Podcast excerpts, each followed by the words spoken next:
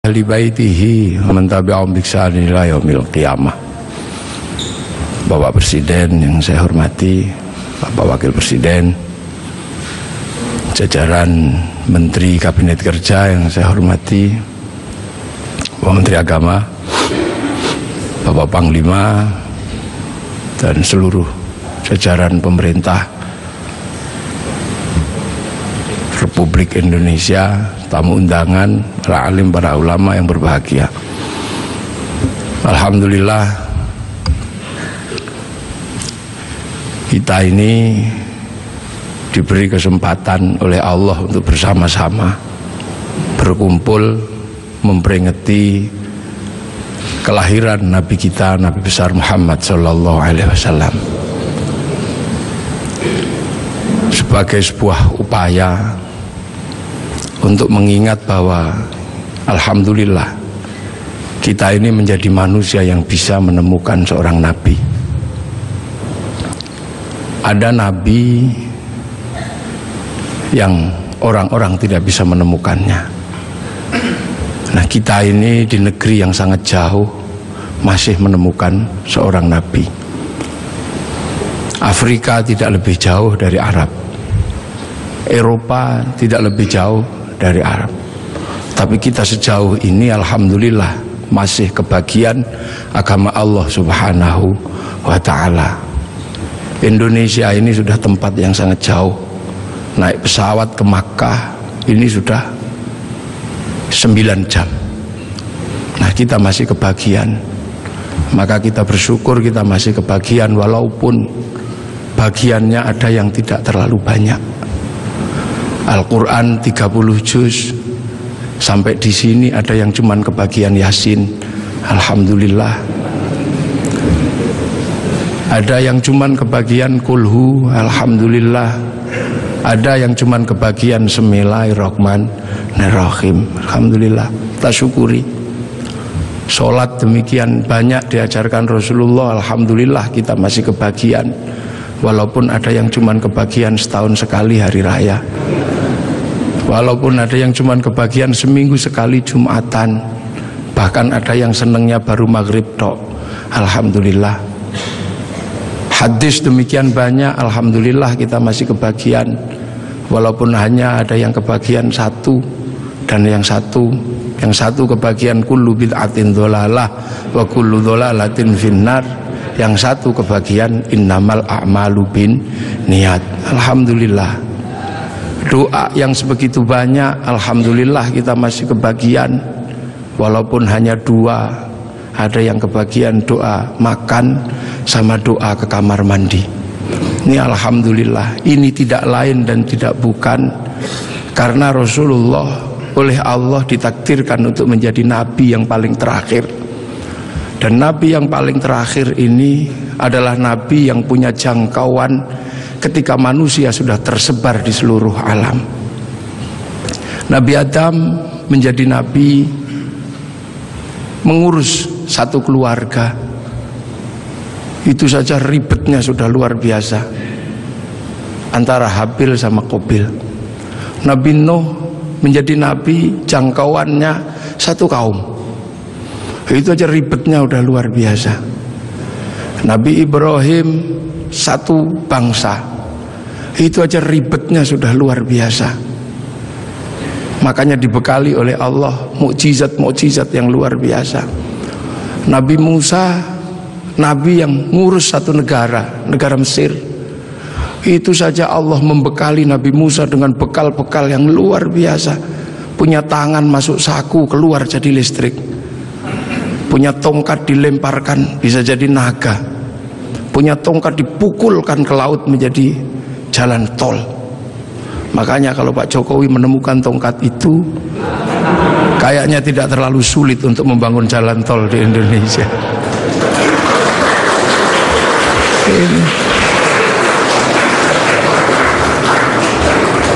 Nabi-nabi Allah diutus. Ada Nabi Dawud diutus mengurusi satu negara tapi punya kemampuan yang luar biasa tangan masuk tanah keluar menjadi logam bisa dijadikan pedang bisa juga dijadikan baju Nabi Sulaiman jangkauannya satu negara, kelebihannya luar biasa. Nabi Sulaiman mampu membangun sebuah kota besar menggunakan tenaga jin. Bisa berbicara dengan semut, bisa berbicara dengan burung, bahkan angin pun bisa diajak berbicara. Nabi Isa alaihissalam jangkauannya satu negara, satu bangsa sekitar Romawi, akan tetapi kemampuannya luar biasa. Manusia yang buta dipegang matanya bisa melek kembali. Orang mati bahkan bisa dibangunkan. Wih, itu bangun. Nah, Nabi Muhammad adalah nabi akhir zaman yang jangkauannya bukan lagi jangkauan bang, jangkauan negara, bukan lagi jangkauan satu bangsa, tapi Nabi Muhammad punya jangkauan menjadi nabi untuk menjadi rahmatan lil alamin. Ini perbedaan nabi-nabi dengan Nabi Muhammad. Nabi Muhammad menjadi nabi ketika manusia sudah menjadi bangsa-bangsa, menjadi suku-suku dan itu harus dijangkau semuanya. Makanya dari situlah Nabi Muhammad dilahirkan di kota Makkah. Kenapa tidak lahir di Bogor? Kenapa juga tidak lahir di Cina tapi lahir di Makkah? Karena Makkah adalah guidance. Makkah adalah awal awal di mana manusia mengenal Allah Subhanahu wa taala. Karena di Makkah ada monumen paling tua di muka bumi yang Allah sebut sebagai inna awwala baiti wudi'a lin-nasi lalladzi bi Bakkah mubarakah wa alamin. Di situ dibangun bangunan tua. Bangunan tertua bahkan ada yang mengkaji itu sesungguhnya adalah petilasan pertama ketika Nabi Adam turun ke muka bumi memberikan tanda di situ agar manusia punya guidance kalau harus kembali kepada Allah. Dan di Makkah pula terjadinya pertukaran antara laki-laki dan perempuan dalam wilayah yang paling tersembunyi antara Nabi Adam dan Siti Hawa. Pertemuan itu diabadikan oleh Allah dengan sebuah tugu yang sangat dikenal dengan nama Jabal Rahmah. Dan dari situ kemudian manusia menjadi beranak pinak, manusia menjadi bangsa, menjadi suku yang tetap di Arab. Kita bisa lihat dengan wajah yang tetap cantik dan tetap ganteng yang pindah ke Eropa berubah menjadi tinggi besar dengan rambut merah.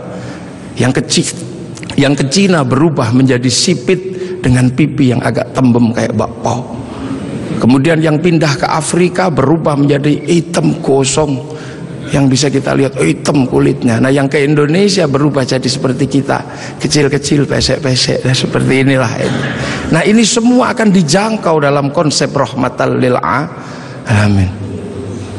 Nah manusia ketika berpindah-pindah guidance itu hilang maka Allah kemudian mengutus seorang nabi untuk mencari guidance itu diutuslah Nabi Ibrahim alaihissalam untuk menemukan itu. Dan alhamdulillah Nabi Ibrahim ditemani oleh putranya namanya Ismail dan istrinya namanya Hajar menemukan kembali situs di mana manusia harus kembali kepada Allah Situs itu dibangun ulang sama Nabi Ibrahim dan berdoa, "Rabbana inni askantu min dzurriyyati biwatin ghairi dzar'in 'inda baitikal muharram. Rabbana liyuqimus sholata waj'al afidatan minan nasi tahwi ilaihim warzuqhum minas thamarati la'allahum yashkurun." Maka karena Nabi Ibrahim menemukan guidance itu, Nabi Ibrahim menjadi orang yang paling terkenal di muka bumi dengan nama yang berbeda-beda. Ada yang menyebut Ibrahim, ada yang menyebut Abraham, bahkan ada yang menyebut sebagai Brahma. Walaupun ini butuh penelitian yang sangat luar biasa mendalam. Kenapa? Karena Nabi Ibrahim ini punya simbol yang kemudian diduplikasi oleh seluruh manusia di muka bumi. Di India ada simbol yang mirip dengan simbol yang ditinggalkan oleh Nabi Ibrahim. Ini butuh kajian mendalam dan ini mesti saya sampaikan dalam sebuah forum kenegaraan seperti ini. Karena ini akan mengurai benang kusut antara manusia di muka bumi dengan lahirnya Rasulullah Muhammad Sallallahu Alaihi Wasallam. Umat Islam mengenal Ka'bah, sebuah batu dengan tengah yang tidak ada isinya apa-apa, kosong. Di India ada bangunan yang sama, batu dengan isi yang tidak ada isinya di tengah. Namanya stupa. Di Islam ada namanya Jabal Rohmah, sebuah tugu batu. Kemudian di India dikenal ada yang namanya Linggayoni. Ada air yang namanya Zam-Zam. Kemudian ada air yang bernama Gangga Yamuna. Ada perjalanan suci dengan kain selempang. Di sini ada berwarna putih, di sana ada berwarna kuning. Selesai perjalanan suci, ada urusan yang sama terkait dengan urusan rambut. Yang di sini tahallul, yang di sana digundul. Selesai perjalanan suci itu semuanya ada darah, yang di sini ada kurban, yang di sana ada gadri. Dan kalau sudah bersujud meninggalkan apa hitam dua, yang di sini dua, yang di sana delapan. Ini butuh kajian yang sangat mendalam bahwa ini adalah awal dari yang namanya millata Ibrahim. Kemudian guidance itu bergeser karena Nabi Ibrahim meninggal diteruskan oleh dua putranya yang satu bernama Ismail yang satu bernama Ishak. Dan Gaiden itu berubah ketika Ishak punya anak yang namanya Yakub atau Israel yang punya anak 12 yang kemudian dikenal dengan nama Bani Isra Israel. Dan Bani Israel mampu membangun sebuah Gaiden baru karena dikasih kitab Injil dan dikasih kitab Taurat yang dikasih kitab Taurat bahkan sampai hari ini masih menjadi bagian besar dari umat manusia di dunia dengan agama besarnya yang namanya Yahu Yahudi. Yang dikasih kitab Injil masih menjadi bagian besar dari agama di dunia ini yang dikenal dengan nama Nasro. Nasrani punya pusat kota besar namanya Vatikan dan di sini punya pengikut yang sering dikenal dengan nama Paus apa? Romo. Gaiden ini bergeser akan tetapi kemudian Allah menunjukkan kembali ini harus dikembalikan kepada gaiden awal kepada jalur awal. Maka kemudian dilahirkanlah Rasulullah di kota Mak Makkah Makkah adalah kunci di mana harus dikembalikan kembali manusia kepada Allah. Itulah kenapa kemudian Rasulullah lahir di kota Makkah. Untuk apa? Mengembalikan simbol kenabian dari awal sampai akhir sebagai wujud khotamul anbiya wal mursalin. Makanya ketika terjadi sengketa dengan agama-agama yang sebelumnya, maka kemudian Allah mengukuhkan Rasulullah sebagai penerus gaiden kenabian. Maka kemudian diangkatlah Rasulullah ke langit dan Rasulullah ditunjukkan di mana jejak para pendahulunya. Maka kemudian ketika ketemu Nabi Ibrahim Rasulullah bertanya kalau orang Jawa bilangnya mbah gitu Pak Presiden ya. Kayak atau gitu.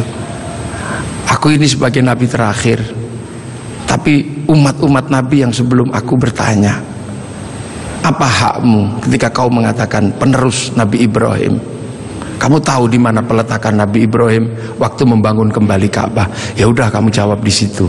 Kamu tandai nanti kalau kamu turun, kamu tandai itulah tempatku namanya Jabal Rahmah. Nah, kalau pertanyaannya tentang Mbah Mail, kakek Ismail di sebelah mana? Kakekmu Ismail di sebelah situ, kamu kasih tanda. Itulah yang disebut Hijir Ismail. Lah kalau nenekku Hajar di sebelah mana? Nenekmu Hajar cari airnya di sebelah situ. Itu yang satu namanya Jabal sofa, yang satu marwah. Lah, penjenengan melempari setan itu di sebelah mana? Sebelah situ. Nanti kamu kalau turun kamu kasih tanda biar tidak dilupakan manusia. Itu so itu jamarot ula, yang itu wusfa dan yang itu akobah. Nah, sekarang kalau gitu yang dulu punya Ka'bah ini siapa?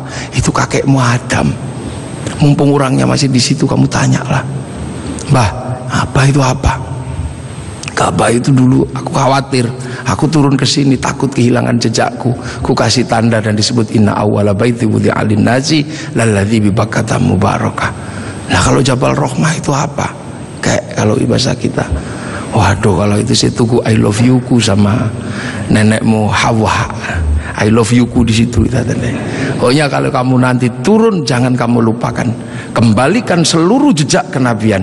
Maka semenjak itu kemudian umat Islam bersama Rasulullah diperintahkan untuk beribadah haji nah inilah. Makanya kalau ada pertanyaan besar kenapa Rasul tidak lahir di Jakarta? Kenapa Rasul tidak lahir di mana? Karena Rasul adalah khatamul anbiya wal mursalin dan jejak kenabian yang mengarahkan kepada Allah ada di Makkah dengan situs tertuanya adalah Ka'bah. Pemahaman tentang Rasulullah lahir di Mekah ini juga akhirnya menjadi kunci. Kunci apa? kunci bagi kita semua bahwa kita bukan orang Mak Makkah kita orang Indo Indonesia. Rasul di Makkah. Rasul ini lahir di Arab. Maka kemudian pelajaran Islam pertama didedikasikan untuk mengajari orang Arab agar kembali kepada Allah. Dan Rasul tidak pernah ke mana-mana.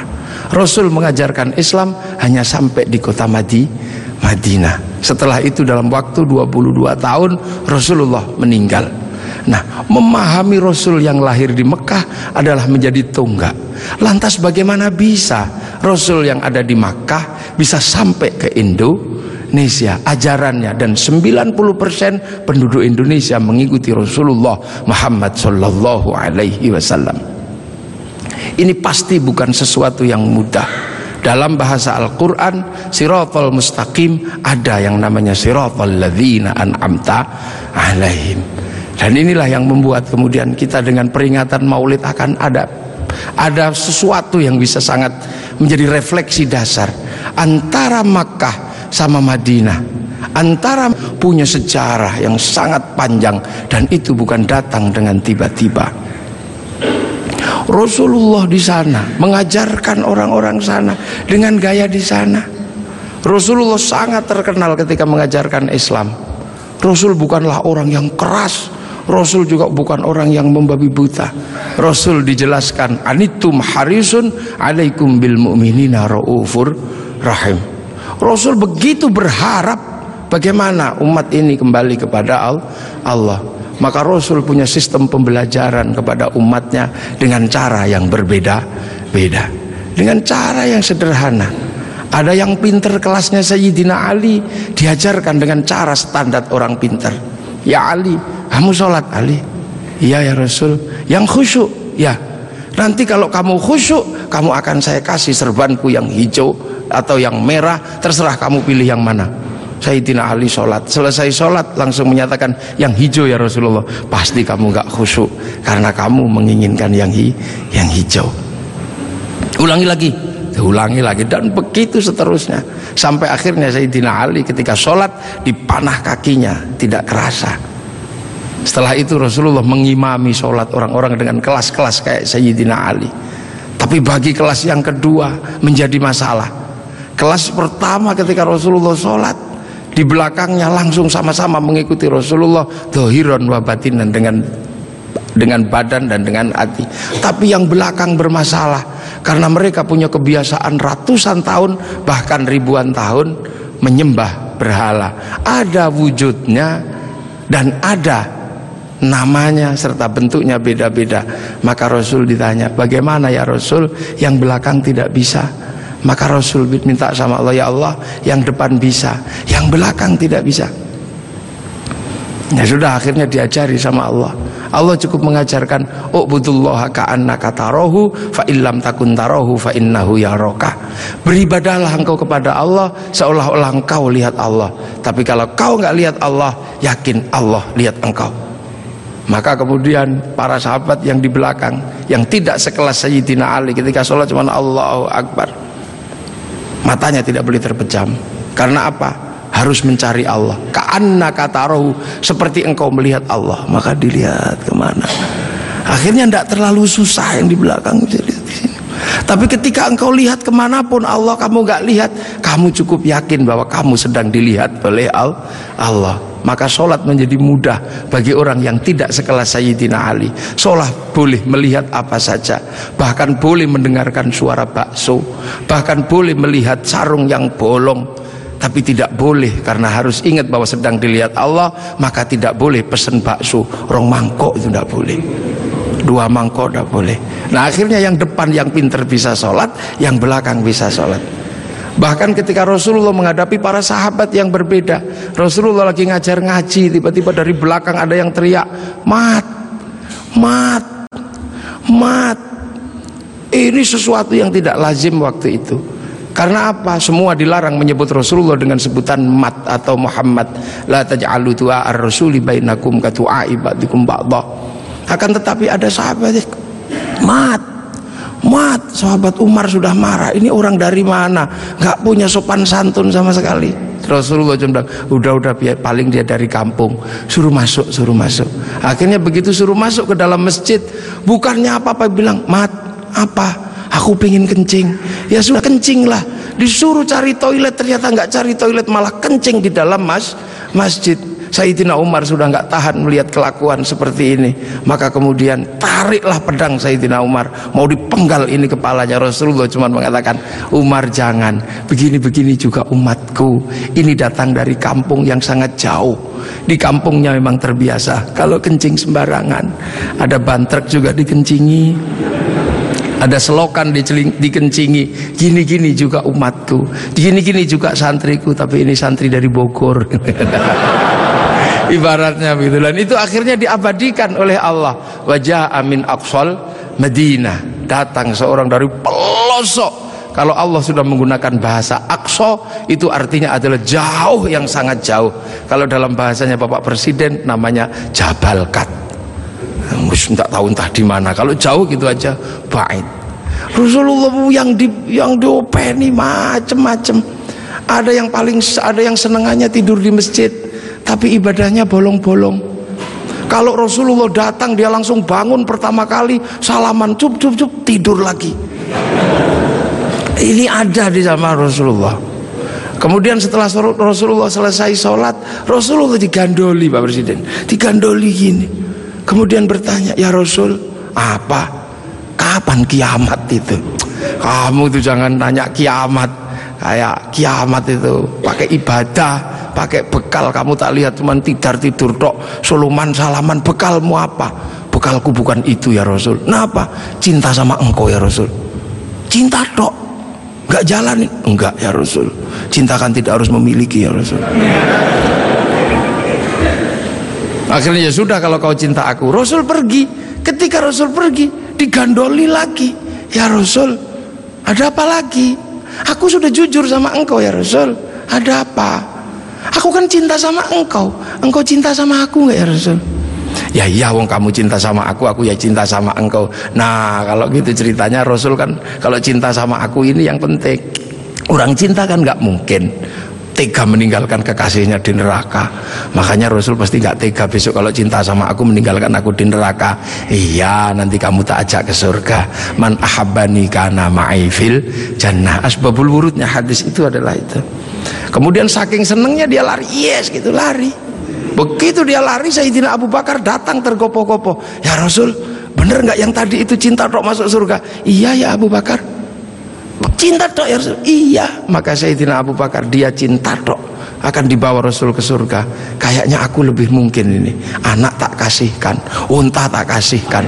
Kayaknya aku ini lebih mungkin. Sayyidina Abu Bakar langsung joget ini. Iya muter sampai jubahnya terangkat. Inilah yang akhirnya jadi manhaj torekohnya Sayyid Jalaluddin Rumi yang dikenal dengan torekoh Maulawiyah yang sekarang dikenal dengan nama Tarisu Sufi bahkan Rasulullah pernah satu ketika Makkah geger gara-gara ada apa? Ada orang tawaf dari kampung saking bodohnya. Dia tawaf cuma dengan satu kalimat ya karim ya karim ya karim ya karim ya karim ya karim. Sahabat bingung ya Rasul kayaknya ada aliran sesat ya Rasul. Sesat bagaimana? Ini ada orang dari pagi tawaf cuman ya karim ya karim maka Rasulullah mengikuti. Ini bener nggak? Ada beneran. Diikuti Rasulullah dari belakang. Ada ya karim ya karim. Lama-lama Rasul mengikuti orang ini. Ya karim ya karim ya karim. Kenapa? Rasul nggak tahan. Ngikuti juga ya karim ya kan orang ini marah dan siapa di belakangku yang berani menirukan aku? Awas tak banting orang ini nanti aku pukul. Ternyata apa? Orang ini nggak tahan. Akhirnya balik ke belakang. Rasul dipegang dipiting begini. Kamu ya yang menirukan aku. Ya Karim ya Karim ya. Awas kamu. Tak adukan sama nabiku. Tak adukan sama kekasihku kamu. Rasul merasa Nabi bertanya Mas atau Bang terus nabimu siapa? Nabiku Muhammad. Muhammad siapa? Muhammad ibnu Abdullah kamu pernah ketemu? Belum. Nanti kamu tak banting di sana. Begitu dia bilang dia menyatakan bahwa dia adalah apa umat Rasulullah. Rasulullah langsung ya Allah tak kira umat siapa. Ternyata ini umatku juga. Rasul sedih dan terharu. Rasul menangis. Sedih Rasul ya Allah ada umat yang begitu cinta tapi nggak pernah ketemu sama aku maka begitu lihat Rasul menangis orang ini semakin bersemangat. Nah gitu aja nangis. Tadi nirukan ya Karim ya Karim. Akhirnya apa? Ya Allah Rasul menangis aras berguncang Kemudian malaikat Jibril turun, "Ya Muhammad, kenapa engkau menang? Oh, dibanting orang ini kamu."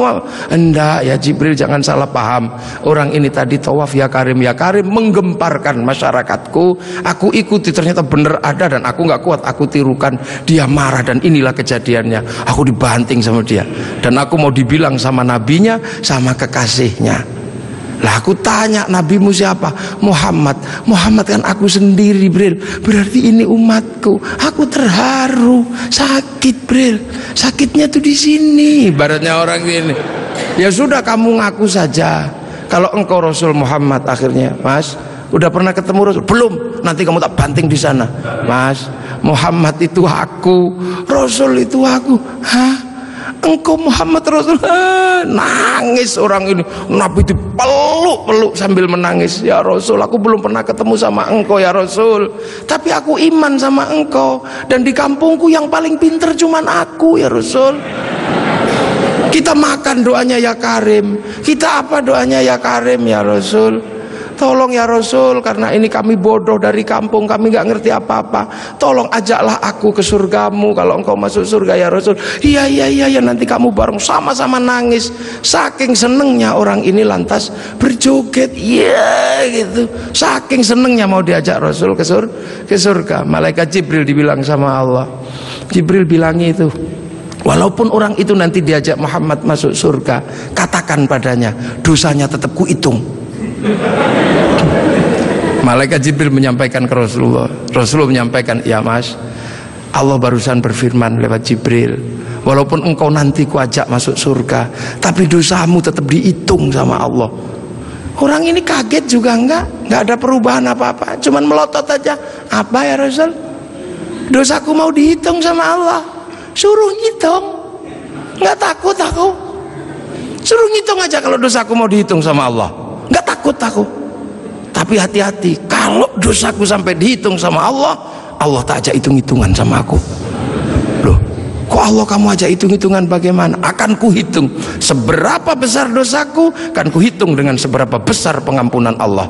Kalau Allah maha pengampun nggak mungkin dosa gini aja kok dihitung. Kalau dosa gini aja dihitung nggak usah pakai gelar maha pengampun. Maha pengampun oh, gini aja dihitung di zaman Rasul.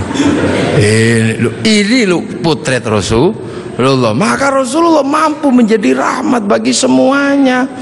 Sehingga kemudian pelajaran Rasulullah yang tidak masuk akal waktu itu bisa diterima oleh sebuah kalangan yang sangat jauh dari peradaban. Maka kemudian Islam yang sulit diterima oleh orang di Arab waktu itu bisa diterima. Sulit bagi orang Arab menerima Islam.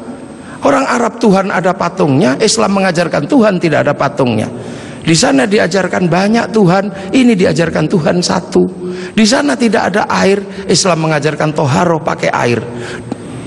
Susah, diminum aja susah, pakai disuruh mandi. Padahal di sana orang mandi berbeda dengan kita. Kita jinabatnya sebulan sekali, sana bisa semalam 8 kali.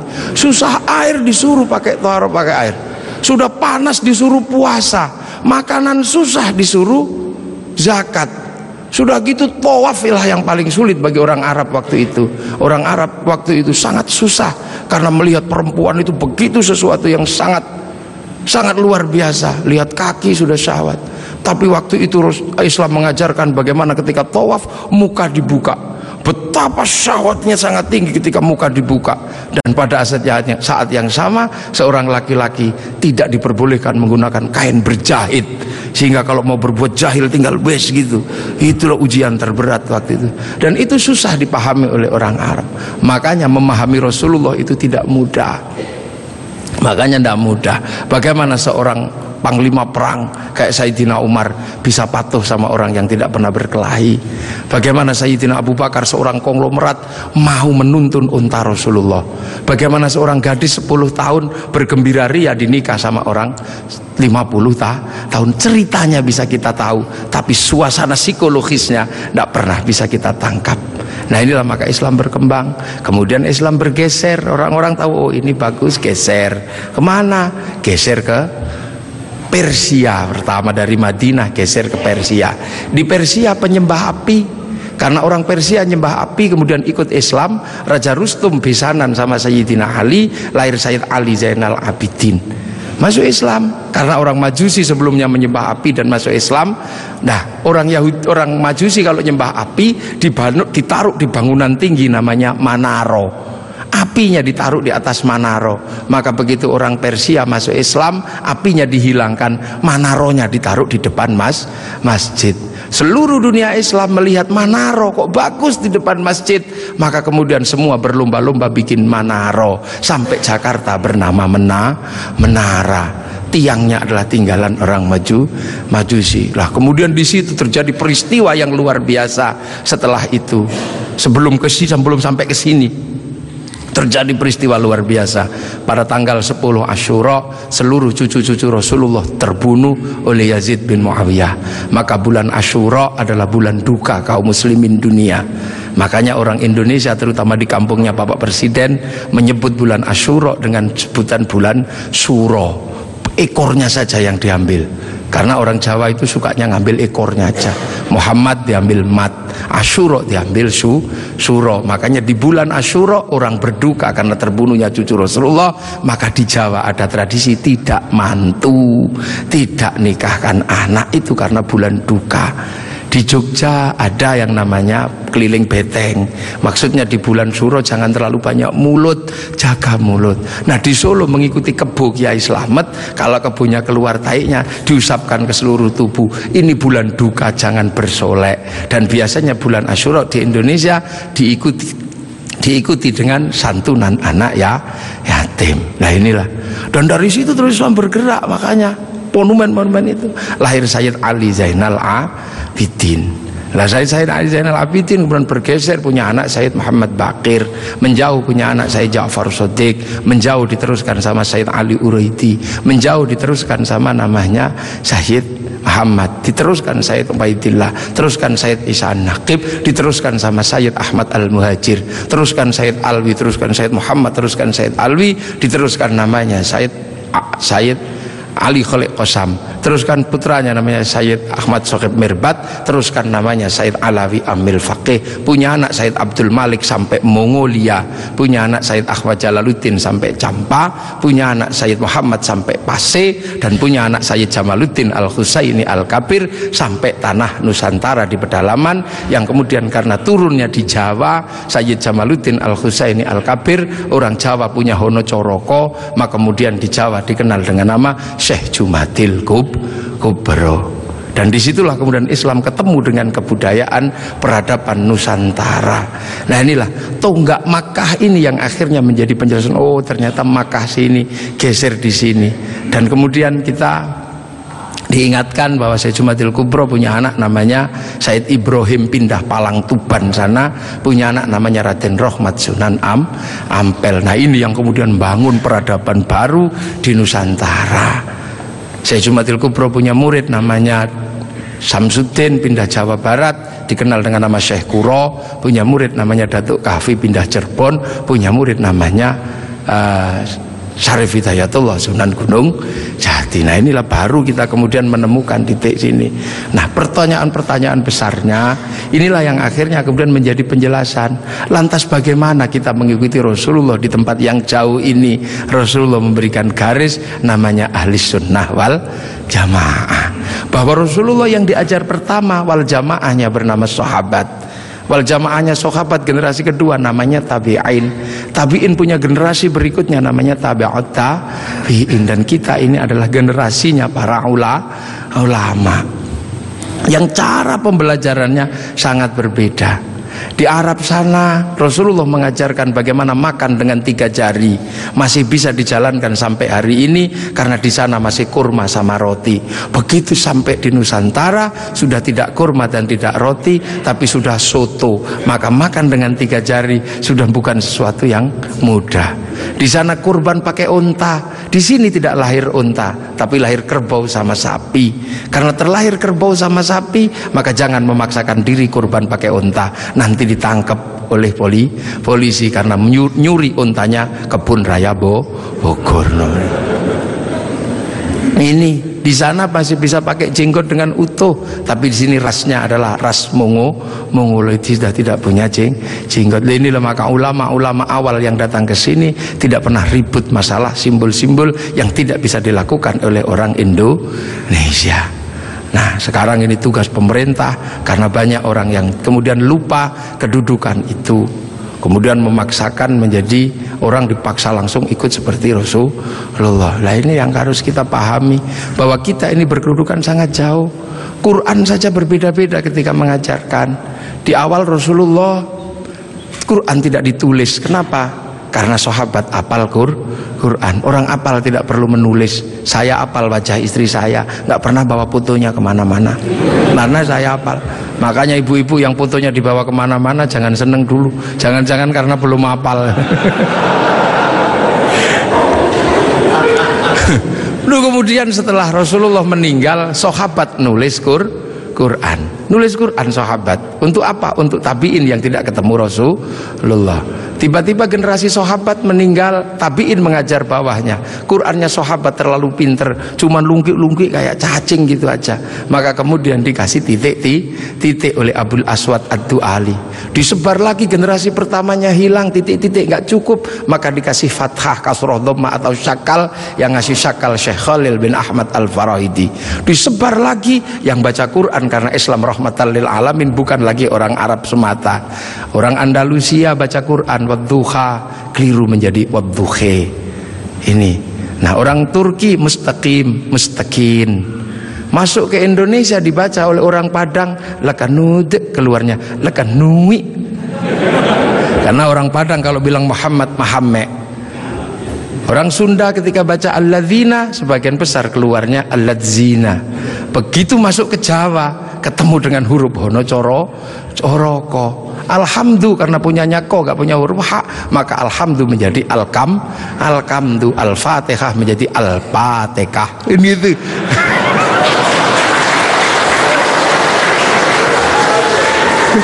nah ini Orang kalau ngerti proses kodifikasi Quran pasti tahu ketika masuk ke semua negara pasti berbe berbeda Al-Fatihah menjadi Al-Fatihah dan ini yang dialami oleh Bapak Presiden Republik Indo. Iya makanya Al-Fatihah. Itu.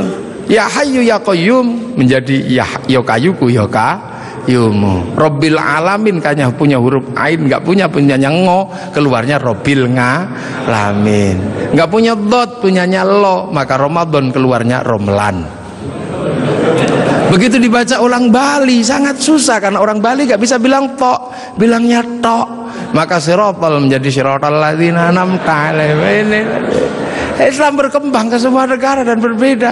Ketika dibaca oleh orang Bugis alaihim keluarnya alaihing. Karena orang Bugis kalau bilang n jadi eng kalau bilang eng jadi n. Makanya ada dulu mantan kabulok bernama Beduamang. Itu berasal dari Abdurrahman. Nah, salah nah itulah makanya kemudian Islam bergerak. Nah lantas apa? Lantas terciptalah sebuah ilmu untuk bagaimana orang di seluruh dunia Islam mampu membaca Al-Quran. Dibikinkanlah sebuah ilmu yang dikasih judul At-Tajwid fi Qiraatil Quran Yang nulis Abu Ubay Qasim bin Salam. Orang akan tahu. Nah ini generasinya para ulama Dan yang paling besar Yang mungkin Bapak Presiden sudah pernah saya sampaikan Tapi ingin saya sampaikan lagi biar kita tidak lupa. Ada perubahan besar ketika masuk ke tanah Nusantara. Di mana waktu itu tanah Nusantara sangat susah dimasuki Islam. Kenapa? Ini bangsa sudah sangat beradab. Bangsa ini bukan bangsa kecil. Tahun 1222 ke atas sebelum tahun 1300 sudah mampu menaklukkan Mongol yang menaklukkan Eropa menaklukkan Arab mampu ditaklukkan oleh kekuatan Nusantara yang namanya Singasari Makanya hal itu bisa kita lihat betapa kita bangsa punya tinggalan-tinggalan yang luar biasa. Orang Arab punya alat musik yang namanya terbang terbuat dari kayu dan kulit. Orang Eropa punya alat musik yang namanya gitar terbuat dari kayu dan tali. Tapi orang Nusantara salah satu alat musiknya adalah gamelan terbuat dari logam. Hanya bangsa yang menguasai ilmu pertambangan yang maju dan penguasaan metalurgi yang mapan mampu membuat alat musik dari logam. Dalam cerita-cerita besar, kita juga punya cerita besar yang sama. Orang Eropa punya cerita tentang Cinderella, kita punya cerita bawang putih, bawang merah. Orang Eropa punya Samson, orang Arab punya Sam'on, kita punya Bandung Bondowoso, kita punya Sangkuriang, kita punya Sipahit Lidah. Orang Sanya punya cerita Romeo Juliet. Orang Arab punya cerita yang namanya Laila Majnun. Kita punya cerita Andi-Andi Lumut. Kita punya cerita, banyak sekali cerita cinta di Indonesia. Sana punya cerita namanya kura-kura ninja, kita punya cerita kancil nyuriti. Timun sama saja apa bedanya? Bahasa-bahasa kita juga bahasa-bahasa yang tidak bisa direndahkan. Orang Inggris bilang rice, orang Arab bilang rus, Orang kita bilangnya macam-macam. Kalau masih di sawah namanya padi. Kalau sudah dipanen namanya gabah. Kalau sudah digiling namanya beras. Kalau patah-patah namanya men menir. Kalau dibungkus namanya lontong pakai daun. Kalau dibungkus pakai anu namanya ketupat pakai janur. Kalau tidak dibungkus namanya nasi. Dicuri satu namanya sebutir nasi. Kalau diublek-ublek namanya bubur.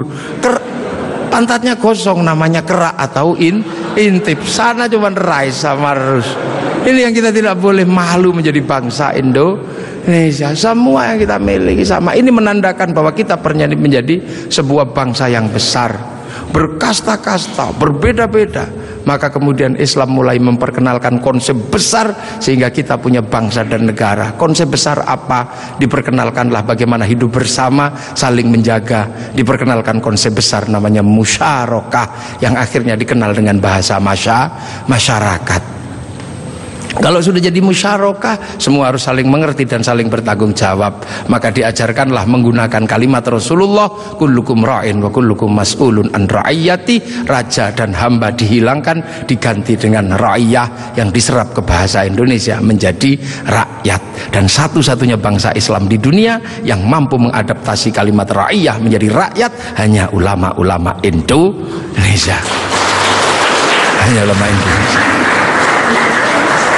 Nah kenapa? Karena kita ini pilihannya berbeda. Pilihan bangsa yang disebut waja'alnakum syu'uba wa qabaila. Di sinilah tempatnya. Arab tidak ditemukan bangsa yang berbeda. Mereka satu bangsa. Eropa satu bangsa. Arab satu bangsa dipikul puluhan negara.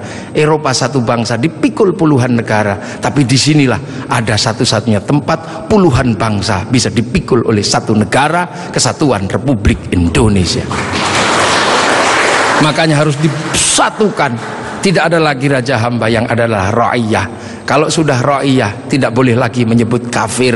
Kenapa? karena kafir adalah orang yang menentang Allah dan memusuhi kaum muslimin. Kalau sudah hidup bersama namanya zimmi kalau sudah saling bertanggung jawab namanya ra'iyah. Maka ketika para ulama sudah menyebut kita dengan sebutan rakyat jangan lagi kau turunkan derajat ra'iyah menjadi derajat kafir. Maka tidak ada lagi kata kafir di Indonesia. Karena sudah ra'iyah atau rakyat ini kenapa para ulama sepuh?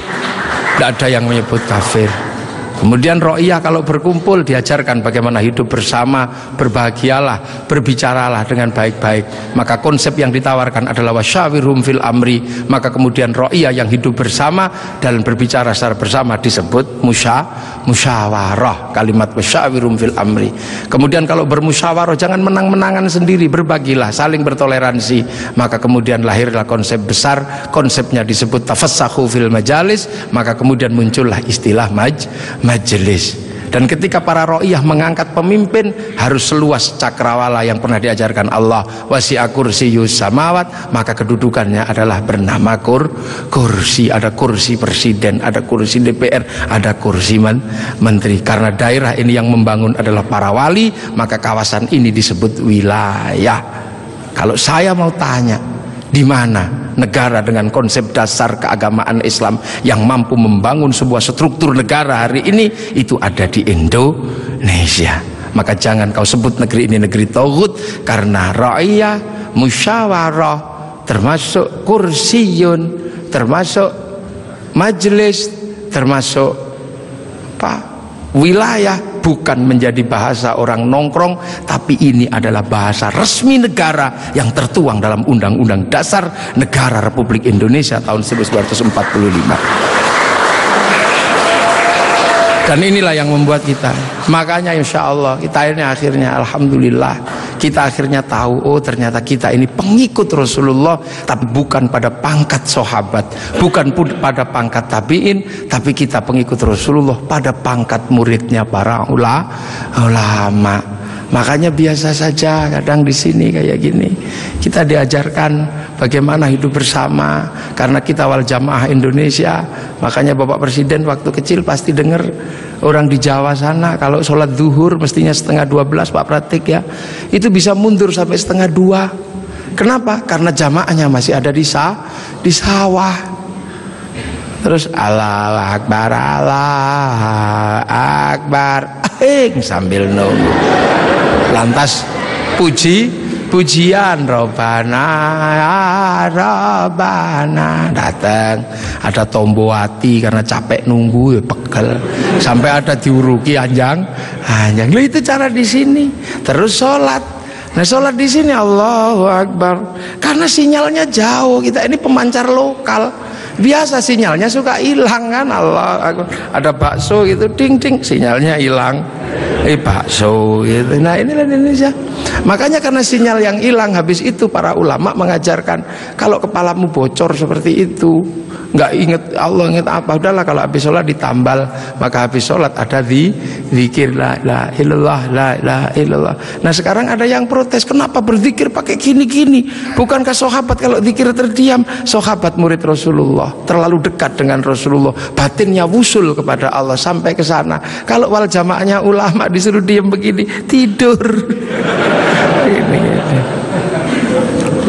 Nah puasa juga sama Orang Indonesia kalau puasa nggak terlalu khusyuk karena keluar rumah ada belimbing, ada jambu. Kalau di Arab keluar rumah ketemunya padang pasir lebih khusyuk. Maka di sini lebih sering disuruh ti, tidur, tidur gitu. Dalilnya apa? Naumuso imin iba.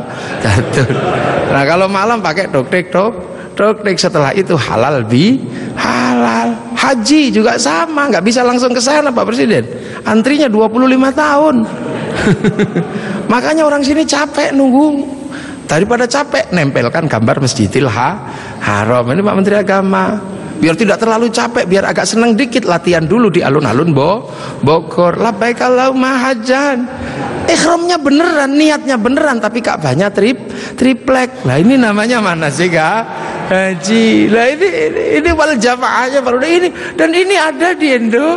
Nih, itu akhirnya orang tahu pangkatnya dengan Maulid oh Rasul Mekah kita Indonesia ada jarak yang sangat panjang. Ada jarak waktu ada jarak ruang. Nah ini kalau kita pahami dengan bahasa yang sederhana fa insya Allah Islam di Indonesia akan tetap menjadi Islam yang ramah Islam yang tidak kasar Islam yang tidak gerasa gerusu mampu ngayomi seluruh manusia yang berbeda-beda seperti Rasulullah yang anitum harisun alaikum bil mu'minina raufur rahim ihdinas siratal mustaqim assalamualaikum warahmatullahi wabarakatuh.